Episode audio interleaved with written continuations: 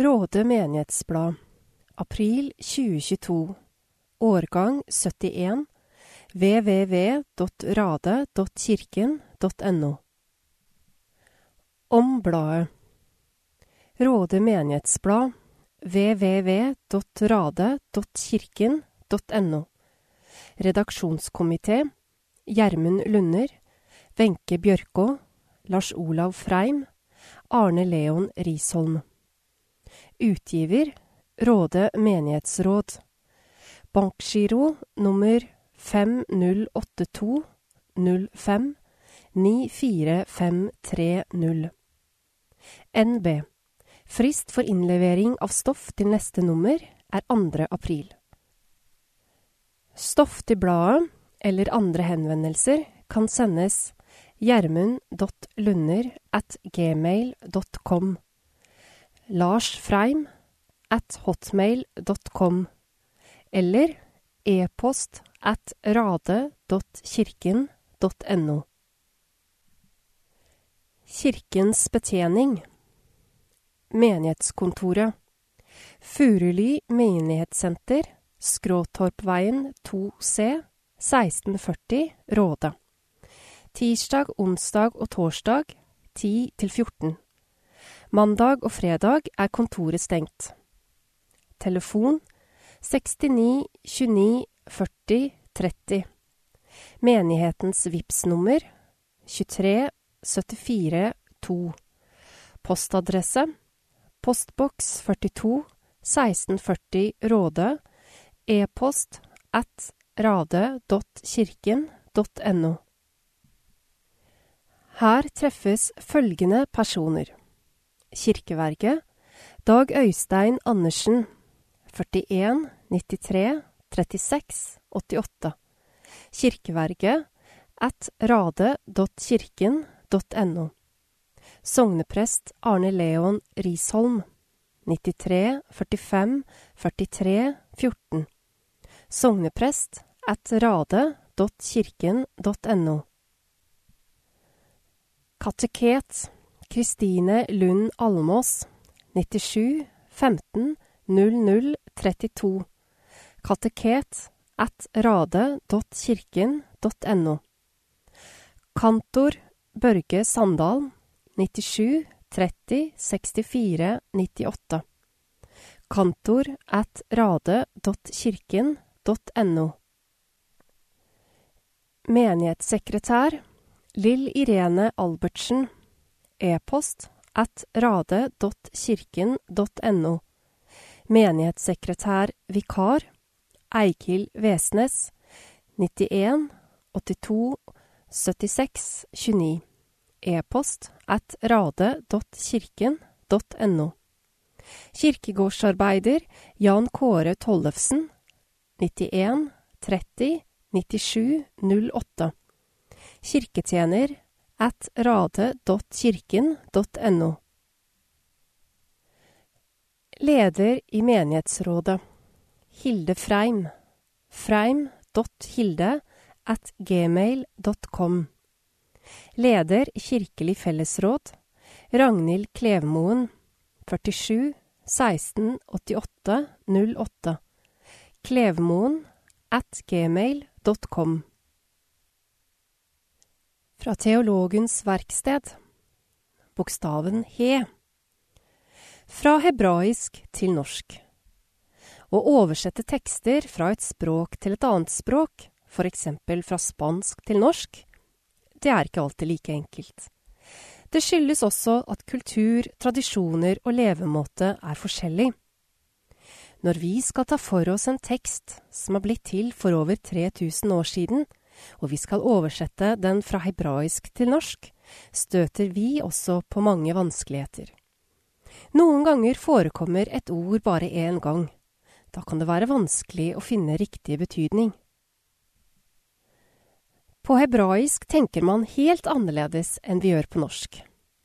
Det ser vi eksempel ved at hebraiske ord kan ha et vidt spekter av betydninger. Derfor er de hebraiske ordene som diamanter. I det teologiske verkstedet må ordene løftes opp, snus, vendes og bankes på for at de skal kunne skinne i all sin prakt. På den måten kan vi frariste dem stadig nye hemmeligheter. Guds ånd I første skapelsesberetning leser vi at Guds ånd svevde over vannet. Første Mosebok 1, 2. Det hebraiske ordet for ånd er ruah. Dette ene ordet kan også bety storm, vind, vindpust, pust og menneskets ånde. I mange bibeltekster spilles det bevisst på at ordet kan ha flere av disse betydningene. Men dette kommer ikke frem i en norsk oversettelse. Vi må velge én av dem. Dermed går også noe av rikdommen og fylden i ordene tapt. Derfor er det nyttig at i NO 2011 er det føyd til en note. Guds ånd kan også oversettes Guds vind. En preposisjon. I mange av salmene i Salmenes bok står det som overskrift En salme av David. Ordet av er en oversettelse av den hebraiske preposisjonen lø. Lø David. Da kan man naturlig nok tro at salmen er skrevet av kong David. Men det er ikke sikkert, for preposisjonen lø kan bety både til, for og av. Dermed kan det hebraiske uttrykket lø David bety både til David, for David og av David. Ja, noen mener uttrykket også kan bety til bruk for en konge av Davids ett. Den som vil være tro mot teksten, må dermed også finne andre kriterier enn bare de rent språklige for å finne en riktig oversettelse. OB Prestens penn Krig Det er krig i Europa. En militær supermakt har angrepet et naboland med raketter, bomber og granater. Ødeleggelsene er enorme, og ingen har oversikt over hvor mange menneskeliv som har gått tapt. Tusenvis av soldater på begge sider er drept i kamp. Tusenvis av uskyldige sivile er drept, og enda flere er såret på kropp og på sinn. Tusenvis av hjem er bombet, og millioner er på flukt. Vi har sett sterke bilder og videoer av bombing, skyting og drap. Vi har sett mennesker på flukt, og mennesker som søker tilflukt i bomberom og i undergrunnen. Vi forstår at virkeligheten er mye verre enn det bilder og videoer klarer å vise oss. Vi har også sett et Europa og en verden som nesten samstemt har fordømt krigshandlingene og står sammen om å prøve å hjelpe det ukrainske folket så langt det lar seg gjøre. At en supermakt går til angrep på et naboland og ødelegger, dreper og terroriserer menneskene der, det er både uvirkelig og ufattelig. Hva er det som gjør at et moderne regime velger en så primitiv løsning som å starte en krig som har til hensikt å legge et naboland i ruiner? Jeg skal ikke begi meg inn på å forklare eller prøve å forstå hvilket tankesett som ligger bak en slik avgjørelse. Det får andre ta seg av. Krig er et ord som bare gir oss vonde følelser. For de eldste blant oss går tankene tilbake til krigen i Norge. De som fortsatt husker krigen, var barn da det var krig i Norge. For oss andre er det historie. Vi har lært om verdenskrigene og andre kriger, og vi har hørt om krig og konflikter i andre deler av verden.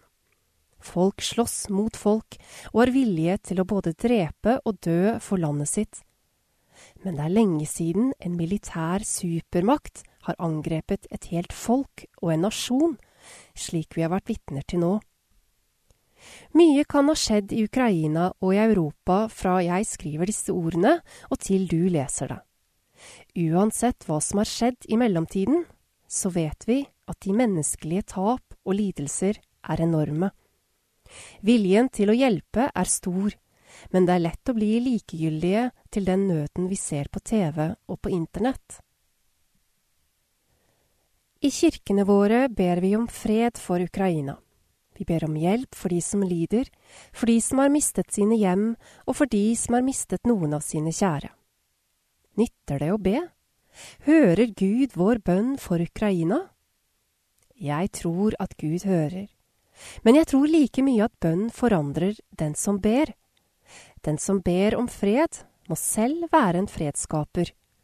Den som ber om rettferdighet, må selv bidra til rettferdighet.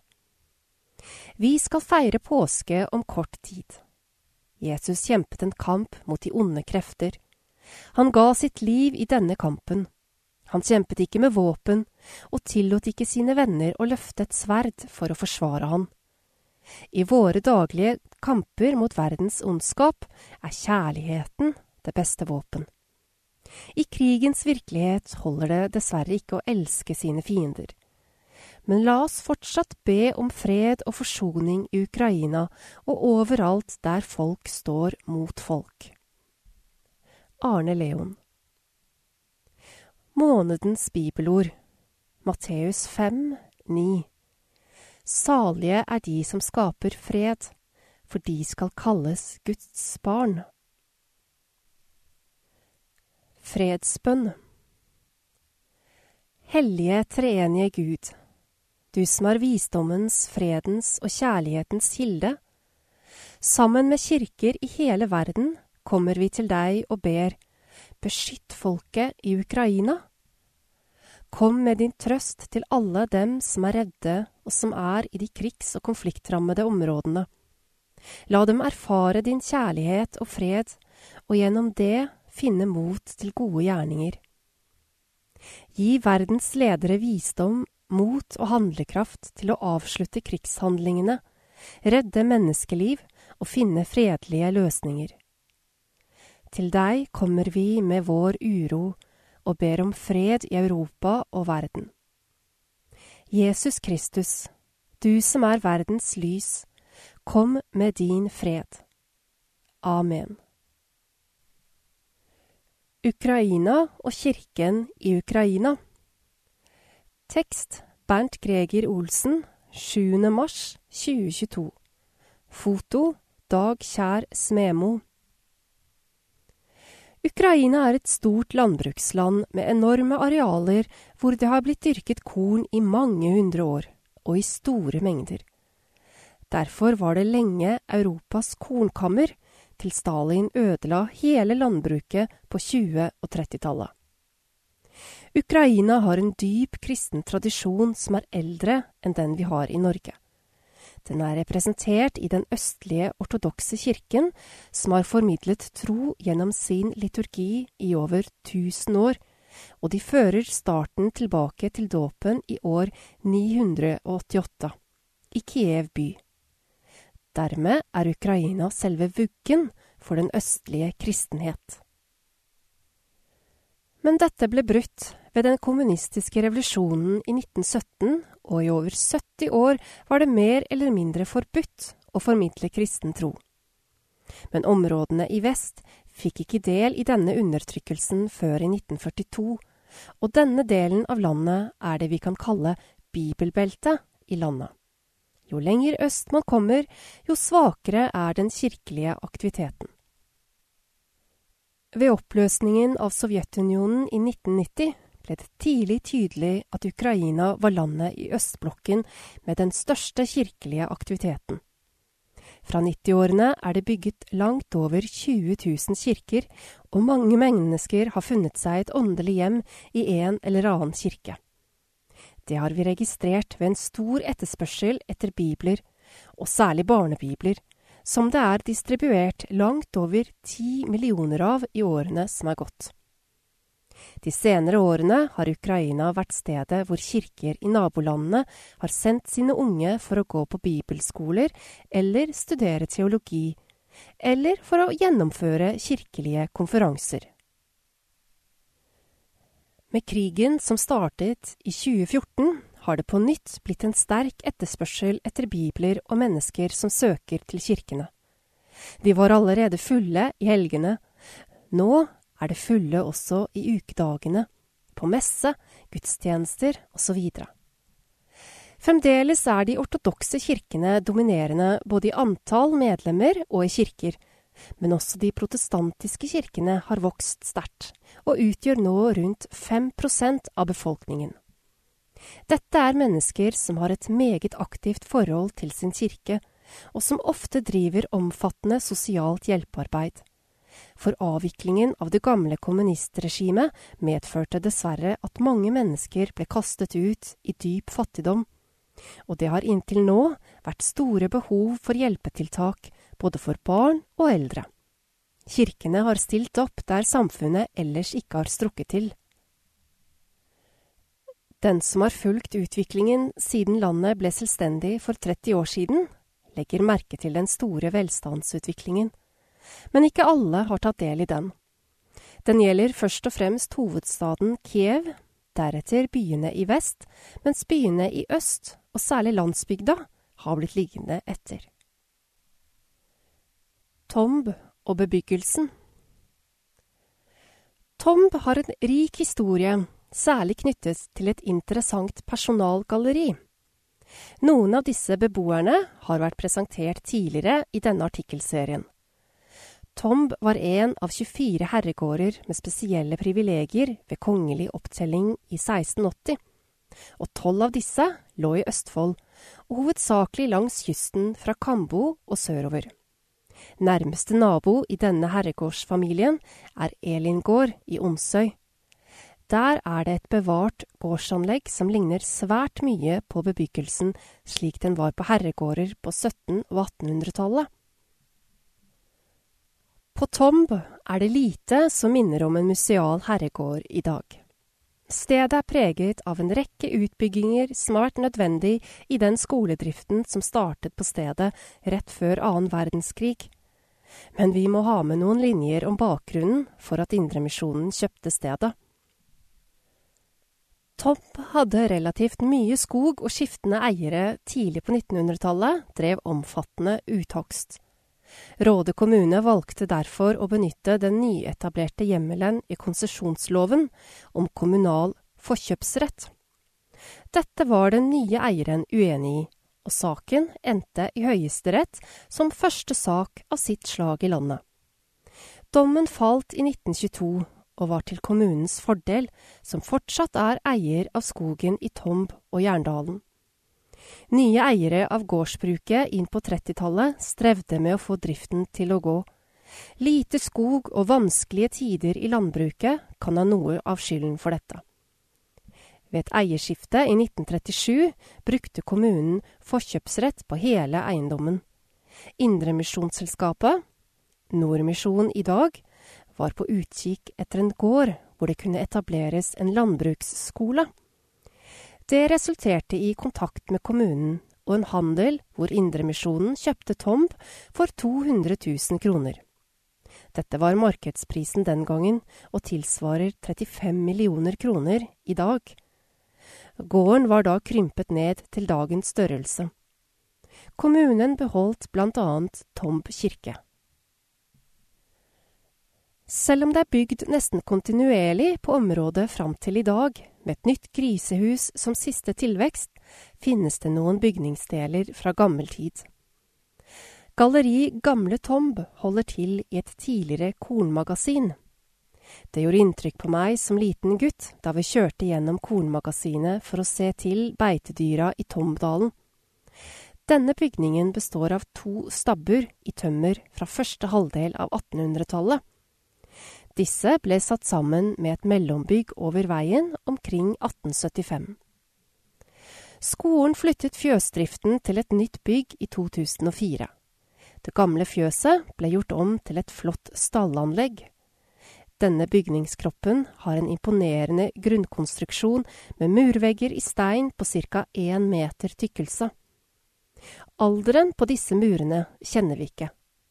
Gråsteinsveggene ble forhøyet med teglstein på slutten av 1800 av Christian Sissener. Han bygde svært mye på Tomb etter at han kjøpte gården i 1874.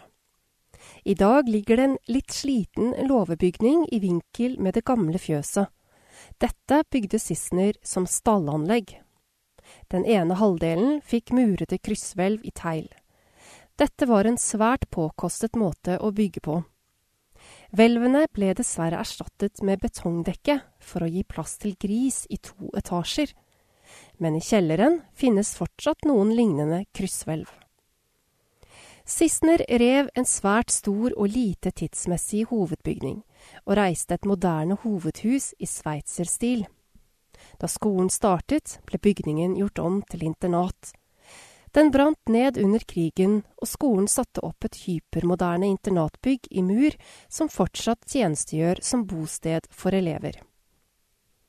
De aller eldste bygningsdelene kan være noen av kjellermurene under dette internatet. Helt fram til vår tid har det vært vanlig å benytte gamle murer som har blitt stående etter branner og rivninger. Eksperter som har vært på befaring i de innerste kjellerrommene, mener at murene kan være fra 1500-tallet. Gjenbruk og flytting av bygninger var også vanlig i gammel tid. Professor Dahls gate 17 i Oslo er opprinnelig en del av den gamle herregårdsbygningen som ble flyttet dit i 1860, og som fortsatt står der. Det som preget en herregård som Tomb, var kanskje ikke bygningene, men det yrende livet, de mange arbeidsplassene, samfunns- og kulturlivet. Meieri, teglverk, trelasteksport, Ole Bull, kirke, bibliotek og orkester kan være aktuelle stikkord. Slik sett er kanskje dagens tomb en mer treffsikker videreføring av historien enn bevarte og fredete bygninger. Jan Erik Sundby Åpent møte om frivillighet og årsmøte Råde sogn. Dato torsdag 28. april klokken 18.00 til 20.30. Sted Furuly menighetssenter. Det er frivillighetens år i 2022, og vi ønsker å invitere til dialog rundt temaet. Representant fra kommunen kommer og innleder. Lag og foreninger i rådet inviteres spesielt. Alle er velkomne til å delta på hele eller deler av programmet. Program. 18.00 Årsmøte Råde sogn. 19.00 Kaffe og enkel servering. 1915 Innledning om temaet frivillighet sett fra kommunens perspektiv. 1945 Innspill dialog, frivillige lag og foreninger. Informasjon om årsmelding. Årsmelding publiseres på Råde menighets hjemmeside. Årsmelding og regnskap kan også hentes på kirkekontoret fra 4. april. Ta kontakt om du ønsker det tilsendt på e-post. Råde menighets kontaktinformasjon. Besøksadresse Skråtorpveien 2C 1640 Råde. Telefon 69 29 40 30. E-post e-post at rade.kirken.no. Hjemmeside https kolon slash slash rade.kirken.no. Velkommen til å spille bingo til prat og kaffe. Nå starter Marianne Mikkelsen Holm Råde kommune opp igjen med prosjektet Trivselstiltak for hjemmeboende eldre. Første bingotreff blir mandag 4. april fra klokken 13 til 15 på Storstua Råde eldresenter. Inviter med deg en nabo, en venn, og ring 47 47 24 92 og meld deg på. Gi samtidig beskjed om du trenger skyss. Det blir også bingotreff mandag 2. mai og mandag 30. mai. Samme klokkeslett og sted. Velkommen. Vi søker to timers frivillige. Diakoniutvalget i Råde menighet bistår Råde kommune i ulike trivselstiltak som bingotreff. Kulturverten i kommunen har ansvar for gjennomføringen. Som frivillig bistår du med å servere kaffe og litt mat, prate og assistere under selve spillet. Har du lyst til å være en frivillig på bingotreff? Ta kontakt med Grete 99 74 82 25 eller Reidun 97 98 12 31. Våre trær. Bjørk. Petula sp. Bjørk er mer enn bjørk, og i Noreg har vi i alt tre ulike arter av dette treslaget som vi alle kjenner. Vanlig bjørk, B. pubescens, er den arten som har størst geografisk utbreiing i landet vårt. Den er svært robust, og finnes i alle landsdeler, like fra fjord til fjell. Langs kysten og i innlandet finner vi den varmekjære hengebjørka, B. pendula. Hvalbjørk og flammebjørk er varianter av låglandsbjørk. Både er svært dekorative med nydelige teikninger og mønster. Veden er lys og glansfylt. Men valbjørka er mest eksklusiv og vært mye nytta til knivskaft, i finer, til møbelproduksjon og påkosta innredningsdetaljer. Over skogbeltet finner vi dvergbjørk, B. nano som er meir en busk enn et tre. Lauet til dvergbjørka vert gjerne kalla museøyre, og det er dette som gir fjellet den fine rødfargen om hausten. Bjørka er eit treslag som spreier seg lett. Den høyrer med blant tetsjiktet når nye arter skal forynges eit område etter skogbrann eller tømmerhogst. Den veks raskt, og er hogstmoden alt ved 40-50 års alder. Likevel har den ingen stor økonomisk betydning i skogbruket, unntatt som ved. Bjørkeved lukter friskt og godt, er renslig å håndtere og brenner med ei rolig flamme og gir god varme. Til tross for populariteten er det flere treslag som varmer mer enn bjørk. Til dømes eik, ask, alm og rogn. Og slik sett egner seg vel så bra, ja kanskje bedre, som brensel. Bjørkevirke er svært allsidig og kan nyttes til det aller meste. Alle slag innredninger, kryssfiner, tremasse til cellulose, dreia treboller, møbler og ispinner. Bjørketeger er tynne bjørkerøtter som er tvinna saman til eit band. Slike vart tidlegare brukt i skibindinger og skigardar. En av årsakene til at vi velger nettopp bjørk, er at fiberlengda er kort sammenligna med andre treslag. Det gjør røttene mjuke og formbare, akkurat som ei klokkereim av stål med korte lenker. Denne egenskapen syner seg òg i ung bjørkeskog om vinteren. Vi har vel alle sett hvor lett bjørka bøyer seg under lasta av mykje snø. Bjørkenever var eit mykje nytta råmateriale i korger og småesker. Kunsten er å få skrella av store samanhengande flak som sidan vert lagt i bløyt. Nevra vert føyelig og enklare å håndtere når den er gjennomtrekt med vatn. Bjørkenever inneholder ganske mykje kjøre. Derfor er den ettertrakta som oppfyringsmateriale til bål og peisar. Bjørka ble kanskje Noreg sitt mest berømte treslag i 1940, da kong Haakon og kronprins Olav ble fotografert i Molde før avreisa til England. De søkte dekning under et bjørketre medan Luftwaffe bomba Molde. Kongebjørka er såleis ei hengebjørk som kanskje påvirka utfallet Norgeshistoria? LOF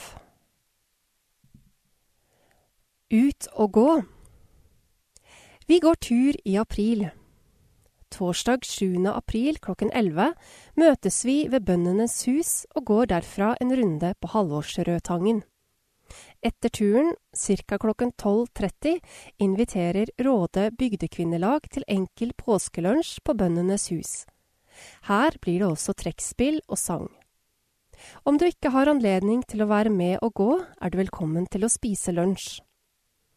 Torsdag 28. april klokken 11 møtes vi på Burum, Tessalaveien 40. Kjør opp i gården og parker der.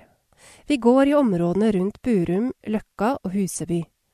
Ta med deg matpakke, drikke, sitteunderlag og en venn. Vi håper mange er med på tur, og vi går ikke fortere enn at alle henger med. Arrangør er Råde menighet og Råde bygdekvinnelag. Lurer du på noe, så ring Reidun på 97 98 12 31. Første tur i mai blir torsdag 12. Annonse kommer i neste menighetsblad. Serie for ungdom Løvetannsang Del fem av ti Om løvetannsang av Hilde Hagerup Det er ikke mye Gerd har. En død far, en utbrent mor og en søster som synger absolutt hele tida. Ikke bor hun i et ordentlig hus heller, og noen sier hun ikke engang har et ordentlig navn. Så når vellykkede Maja dukker opp med familien sin i en sølvgrå Mercedes og truer med å ta venninnen Kajsa fra Gerd, gjelder det å ikke gi seg.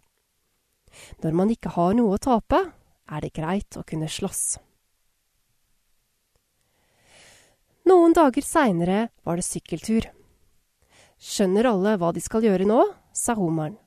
Ja, kom det fra klassen på parkeringsplassen og jeg var ikke den eneste som var utålmodig, uten tålmodighet, rastløs. Og alle har noen å sykle sammen med. Ja da, kom det fra klassen. Og noen begynte å tørrtrå, snurre på sykkelhjulet, mens den ene foten holdt igjen i bakken. Og jeg var en av dem. Du også, Gerd? Noen fniste. Ja, det har jeg. Jaså, og kan du fortelle hvem det er? Jeg så utover parkeringsplassen. Det var bare Einar som møtte blikket mitt. Hvis du ikke har noen å sykle sammen med, får du sykle med meg, sa Martin Homlebekk skiten. Jeg skal sykle med Kajsa, sa jeg. Kajsa og Maja sto på den andre siden av parkeringsplassen. De hadde planlagt å sykle sist. Nå så de opp. Kajsa ble rød som en tomat i ansiktet. Nå utvider porene dine seg, tenkte jeg, men jeg sa ikke noe. Jeg bare smilte monopolsmilet, det smilet man smiler når man bygger hotell på Rådhusplassen, for sånn føltes det. Og der fikk du den, din bleike lille mammadalt. Jeg skal sykle med Maja, sa Kajsa. Du sa du skulle sykle med meg, sa jeg. Det sa jeg ikke, det. Resten av klassen flytta urolig på seg. Noen av guttene tørrtrådde noe innmari og laga skrenselyder med trutmunn. Skal vi stå her til i morgen, eller, lærer? Jeg har aldri sagt at jeg skal sykle med henne, sa Kajsa. Jo da. Da var det en som plystra. Det var ikke meg, men jeg måtte le, for det var ikke vanlig å høre sånne ord fra henne. I hvert fall ikke i skoletida. Martin Hamlebekk lo ikke. Nå var det hans tur til å bli rød i ansiktet hummeren rød. Da får dere vel sykle sammen alle tre, sa Martin. Kom fram hit, jenter. Der vant jeg. Maja så ut som om hun hadde mista én million kroner i svømmebassenget og var for pen i tøyet til å hoppe ut og ta dem opp. Hvis du kødder, hviska Kajsa. Hvis jeg kødder? Hva da? Kajsa og Maja så på hverandre. De hadde nyere sykler enn meg, men jeg tenkte at de kom til å sykle langsommere likevel. Det dreit jeg i. Da drar vi, sa Martin Homlebekk. Jeg hadde trodd at Maja og Kajsa kom til å sykle ved siden av hverandre, at de kom til å holde sammen og fnise og synge og le, men det gjorde de ikke. Jeg vet ikke hvordan det ble sånn, men vi ble syklende etter hverandre. Jeg sykla først, men Maja lå ikke langt bak meg. Kajsa lå sist. Jeg hadde trodd at de ville sykle saktere enn meg med vilje, at de ville sakke etter, holde seg til resten av gjengen, men det gjorde de ikke. Vi sykla sammen. Oppover bakkene, nedover bakkene, utpå flata, og snart hadde vi sykla fra resten av klassen. Snart var det bare skogen og siden de åpne jordene, gule og grønne selvlysende åkrer, og her kunne de lage en psykedelisk tegnefilm hver vår for så sterke farger var det utover mot kysten. Vi var nesten ute ved Nordvik da Kajsa ikke klarte mer. Hun gikk av sykkelen rett før en av de største nedoverbakkene, og jeg hørte stemmen hennes som et pip i øret. Vent! Vent!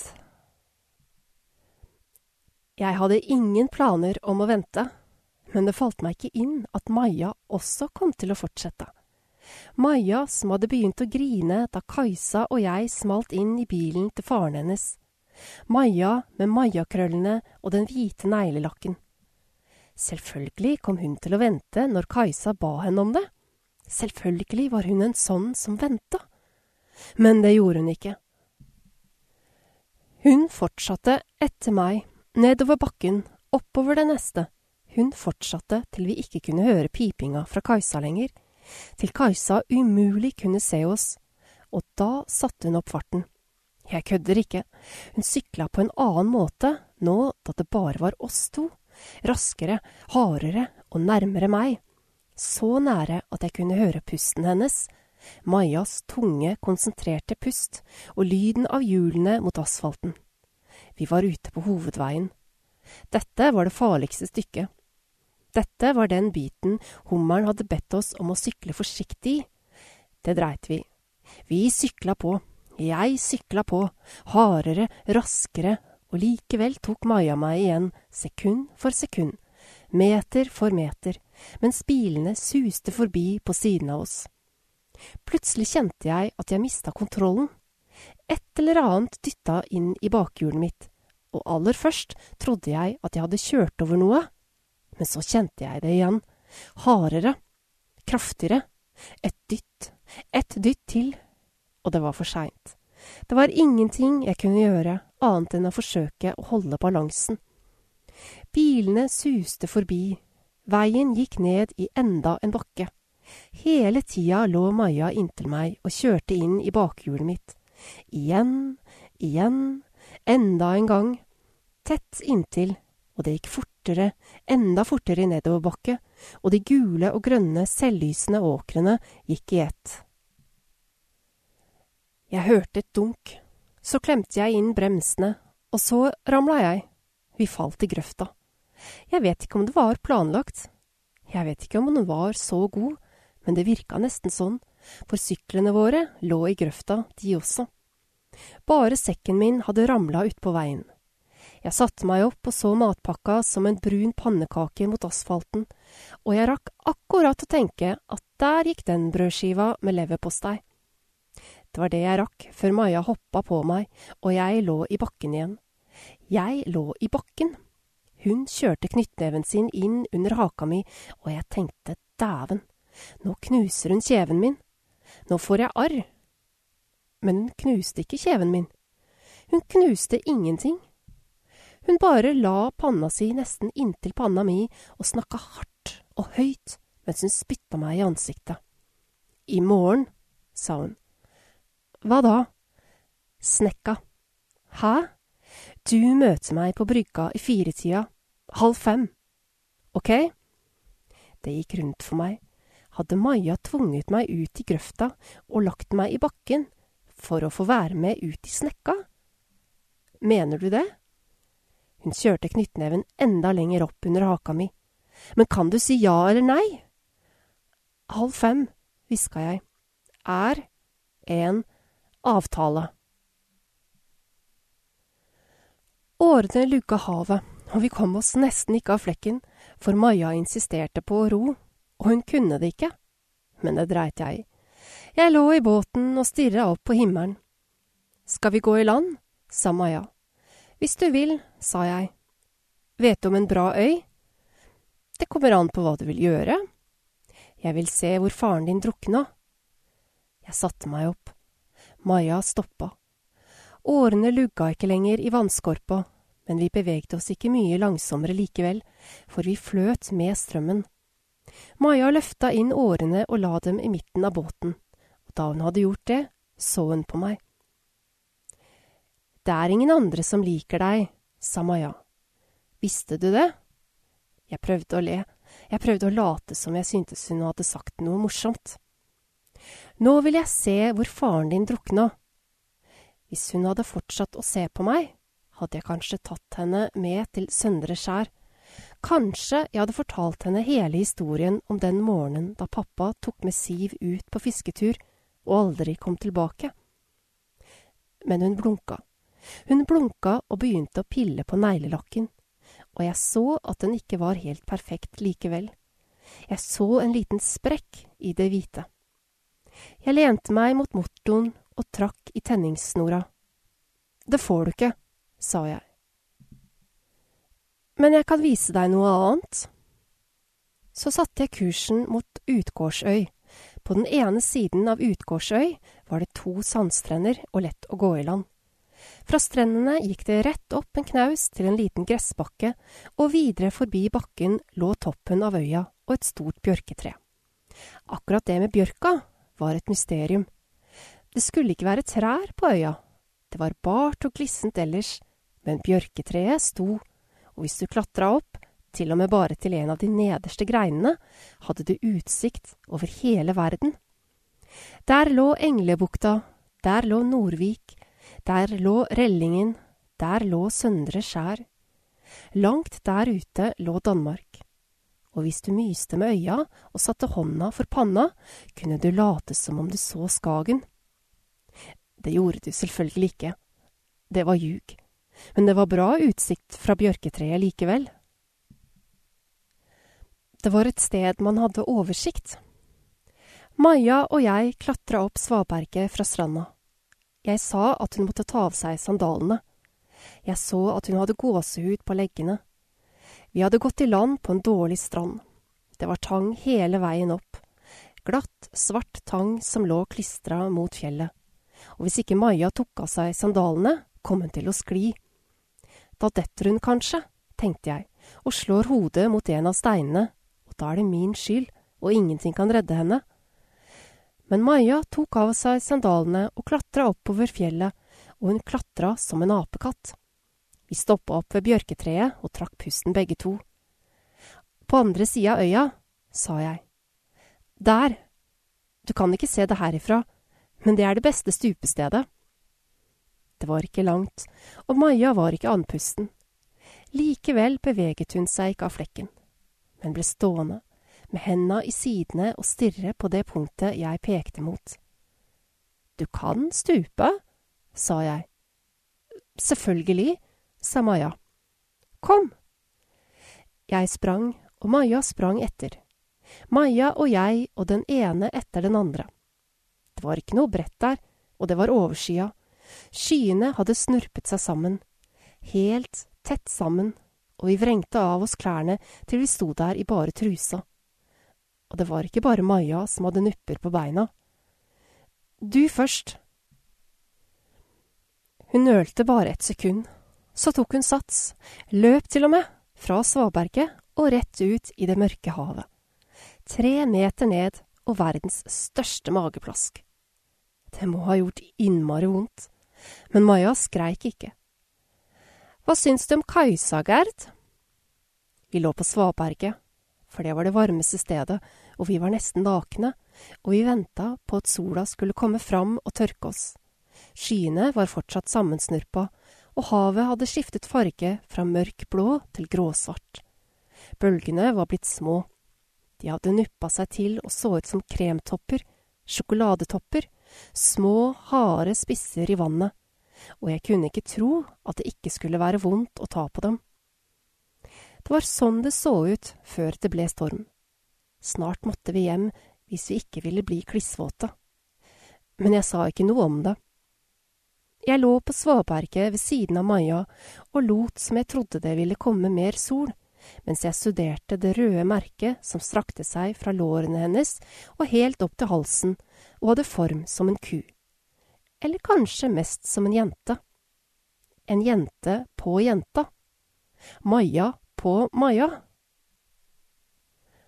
Og jeg lurte på hva som var hva, hvem som var hvem. Hvilken Maja det var som ordna håret i pene krøller, og hvilken Maja som tvang meg ut i diket på Nordvikveien og stupte fra tre meter enda hun aldri hadde stupt før. Jeg satte meg opp og la en hånd for ansiktet som skygge for sola, som var sterk enda den måtte bryte seg vei gjennom skyene. For sånn var det. Innimellom overskya, innimellom solsteik. Og snart kom kanskje solregn, og da kunne vi synge Nå regner det, nå skinner sola, beste vær på hele jorda. Det hadde pappa pleid å gjøre, mens han svingte meg rundt og rundt i hagen, og jeg ble aldri fornøyd. Jeg ville alltid svinge høyere. Det turte ikke Siv, men det turte jeg, og pappa sa det var fint med en barsk jentunge i familien. Hva jeg synes om Kajsa? Hvordan er hun? sa Maja. Hun er vel helt vanlig, sa jeg og trakk på skuldrene. Jaså, sa Maja. Hun virker bare litt masete. Å ja. Nei, jeg vet ikke. Hun er vanlig, sa jeg. Da begynte Maja å fnise. Hva ler du av? sa jeg. Nei, jeg bare tenkte på det Kajsa sa om deg. Det stramma seg inni meg, og jeg reiste meg for å slippe å se ansiktet hennes. Trusa mi var fortsatt våt, men det var så overskya nå at vi var nødt til å komme oss tilbake. Når snakka du med henne? I går, sa Maja. Hva gjorde dere? Ikke noe. Vi hjalp Maria med noe i kiosken. Jeg svelget. Og så snakka vi om deg.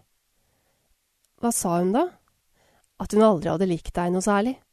At hun er redd for hva du kan finne på. Jeg reiste meg. Gjør det vondt? sa jeg og så på de store røde flekkene som fortsatt forestilte en jente. En annen Maja på Maja.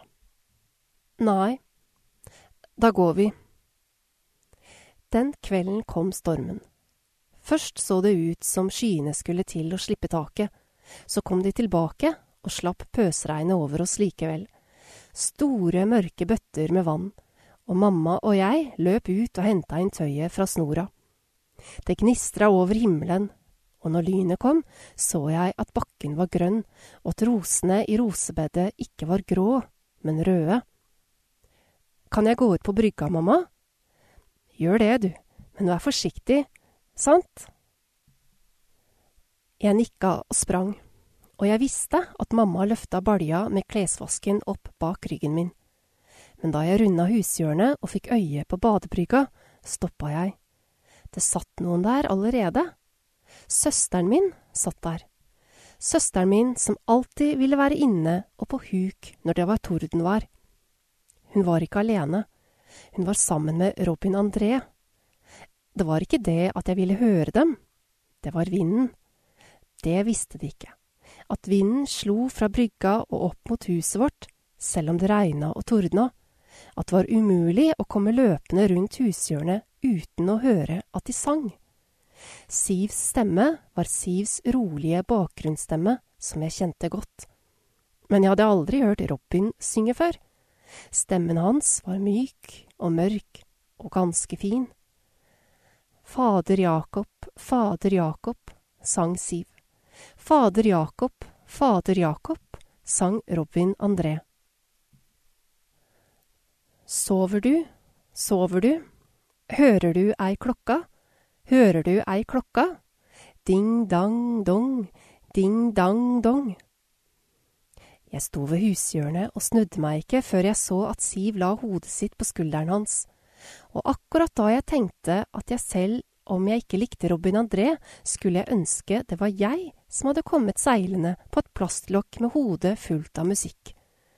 Og jeg fikk gåsehud av å tenke det, eller av å høre på dem, eller av stormen, eller av alt sammen. Jeg fikk frysninger nedover ryggen. Gospel Explosion i oktober 2021 hadde vi besøk av Leif Ingvald Skau i Råda. Det skjedde noe med folk. Man hadde lyst til å synge sammen i kor, og vi begynte å jobbe med en tanke. Tenk om Leif Ingvald kunne komme til Råde med prosjektet sitt Gospel Explosion. Vi hadde et mål.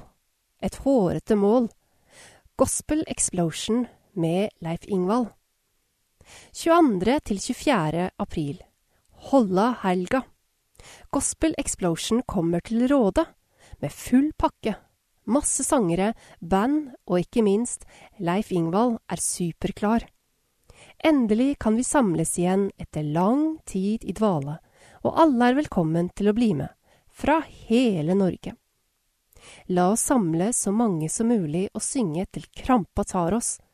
Så avslutter vi med stor konsert til slutt på søndag kveld men vi ønsker at det skal være mest lokale sangere, så her er det bare å mobilisere. Dette vil du virkelig ikke gå glipp av. Det finnes et Facebook-arrangement som heter GE Gathering i Råde, og en Facebook-gruppe som heter Gospelfeber i Råda. Finner du ikke disse, kan du sende en SMS til Kristine på 97 15 00 32. Spørsmål kan også rettes til henne. Vi øver lørdag, spiser sammen, øver litt til, så er det øving og konsert søndag. Nå ønsker vi å fylle Råde kirke til randen og skape en eksplosjon av gospel. Rådet har gode og lange tradisjoner for sang. Nå må vi mobilisere. Konfirmasjoner våren 2022 7. mai 22 i Tomb kirke klokken 10.30. Hermine Norum Brest, Tale Sofie Øvrevåge, Alexander Gravnås, Marco Redalen Kringen, Mathias Femtegjeld Søstrand, Solan Elias Korsgård Larsen, Ludvig Solhaug Pettersen, Alexander Helge Lund. Klokken 12.30 Marie Årsten Gulbrandsen, Hanna Hermansen, Eline Bråkhaug Aas, Andreas Grønli, Amaya Isabel Valdeon Hauslo, Sara Nikoline Lauritzen Bringanger, Abigail Winningland Eliassen. Klokken 14.30 Daniel Reiremo, Christian Miguel Macado Olsson, Iris Helena Solberg Brask, Alexander Wernesbranden Suárez, Solveig Ringsrød. 8. mai 22 i Råde kirke klokken 11.00. Julia Granly Heia. Tobias Bjørnli. Oliver Eikli Granly. Henrik Fostervoll Mathisen. Henrik Alberg Eklund. Helle Sandaker. Noah Tobias Viktor. 14. mai 22 i Råde kirke klokken 10.30. Elise Mørken. Emeline Grønneberg. Thea Marie Ileby Berntsen. Leona Kisake. Stian Adrian Elvestad. Ine Louise Eng Clausen. Celine Andrea Hovin. Maria Jensen Åkeberg. Klokken 12.30 Thea Skjellerud. Sondre Ramstad Nilsen. Johan Engebrett Tofteberg. Edvard Solberg. Herman Svestad Thoresen. Henrik Kauczynski Sveen. Thea Selin Nilsen Bekkevold. Sondre Johan Grimstad. Klokken 14.30 Carl Martin Røen Bru. Ludvig Kiel Christoffersen. Maren Sofie Wilhelmsen Spydevold. Olaf Jans. Tim Øverdal. Eva Kristina Vik. Informasjon Eldrebølgen i Råde. Mosseveien 10 1640 Råde. Telefon 69 28 00 00. Post at ebir.no. www.ebir.no. Vi holder til i andre etasje over apoteket i Karlshus. Seniorkafeen med trappeheis. Dager vi har åpent, er tirsdag, fredag og lørdag fra klokken 10.30 til 14.00. Kontingenten for 2022, 250 kroner, ønskes innbetalt innen 31.12.2021 for dem som har mulighet på konto 108020354417 eller i kafeen. Medlemmer som har, som ikke har vært medlemmer hos oss på ett år eller to, ønsker vi at svært gjerne at registrerer seg som medlemmer igjen. April. Fredag 1. Åpen talerstol, varm mat. Torsdag 7. Tur til Årnes, Nesrevyen, enkel lunsj på vei oppover, middag på hjemveien. Pris for reise, billett og måltider ca. 800 kroner. Fredag 8. Varm mat, siste åpningsdag før påske. Tirsdag 19. Åpningsdag etter påske. Torsdag 21.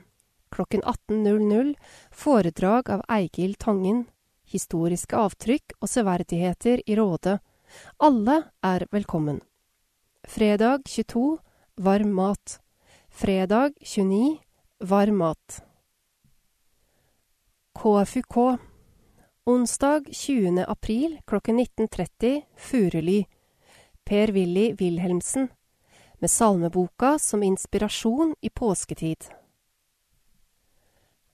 Råde Ysmenns Klubb. Furuly 26. april klokken 19.00. Olav Rommetveit. Har Norge noe å bidra med i den globale klimakrisen? Velkommen, styret. Pensjonistforbundet i Råde. Medlemsmøte. Onsdag den 27. april på Bøndenes hus klokken 11.00 til 13.00. Foredrag om kriminalomsorgen i Norge ved assisterende direktør Jan Erik Sandli. Kaffe og utlodning. Vel møtt. Støtt Ukraina. Vips 2272 Røde Kors 2426 Kirkens Nødhjelp 2230 Redd Barna Råde bibliotek Forfatterkveld med Chantal Garan på biblioteket onsdag 27. april klokken 19.00. Chantal vokste opp i en liten by i den fransktalende provinsen Quebec i Canada. Hun er utdannet sosionom. Chantal har annet tilbrakt flere år med indianersamfunnene Cré og Atikamk i Canada, og bodd sammen med flyktninger i Tanzania. Hun har også bodd i Sør-Afrika sammen med sin norske mann. Etter å ha jobbet i flere år med integrering av flyktninger i Norge, er hun nå forfatter på heltid. Hun bor i Engelsviken. I 2020 utga hun boka Natalia Sett. Boka handler om Natalia som midt i jubelen i Oslo 7.6.1945 får en liten gutt som hun gir fra seg ved fødselen. Over 60 år senere får sønnen tak i adopsjonspapirene sine. Historien er basert på en sann hendelse. Inngangspenger betales i døra, gjerne med VIPS. Loddsalg. Servering av kaffe, te og kringle. Arrangør er Råde biblioteks venner i samarbeid med biblioteket. Råde bibliotek har åpningstider mandag og onsdag 10.00 til 15.30, tirsdag 13.00 til 20.00, torsdag og fredag 13.00 til 15.30. Ønsker du noen å snakke med? Her er noen gode alternativer.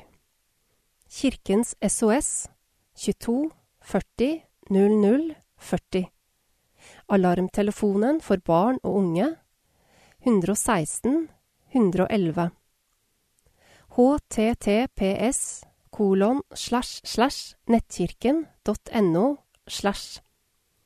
Blå chatsenter www.bladkors.no slash chatsenter slash.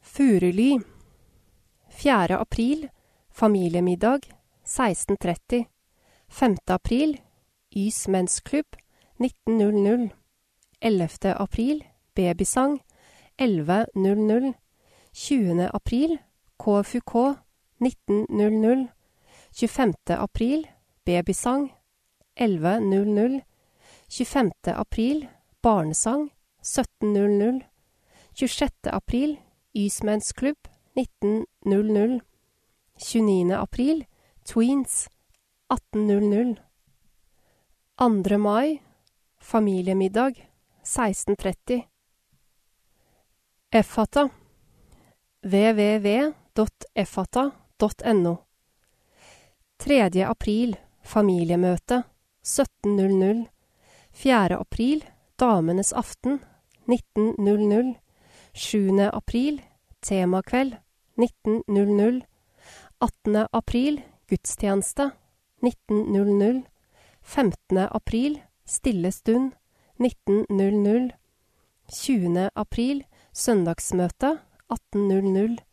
23. april sangkafé 19.00. 28. april årsmøte 18.00. Tomb søndagsskole 24. april Vi ser på lamma, og Guro kommer på besøk. 11.00 Råde helsehus 14. april Påskegudstjeneste med nattverd i storstua klokken 11.00. 26. april Andakt i storstua klokken 11.30. Velkommen til kirken. Kirkeskyss 90 73 70 83. Søndag 10. april, palmesøndag. Tomb kirke klokken 11.00. Gudstjeneste ved prost Torbjørn Osberg.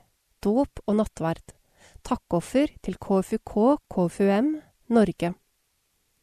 Torsdag 14. april, skjærtorsdag. Råde sykehjem klokken 11.00. Gudstjeneste ved sogneprest Arne Leon Risholm. Nattverd. Torsdag 14. april, skjærtorsdag. Råde kirke klokken 19.00. Gudstjeneste ved sogneprest Arne Leon Risholm. Nattverd. Takkoffer til menighetens arbeid. Fredag 15. april, langfredag. Tomp kirke klokken 11.00.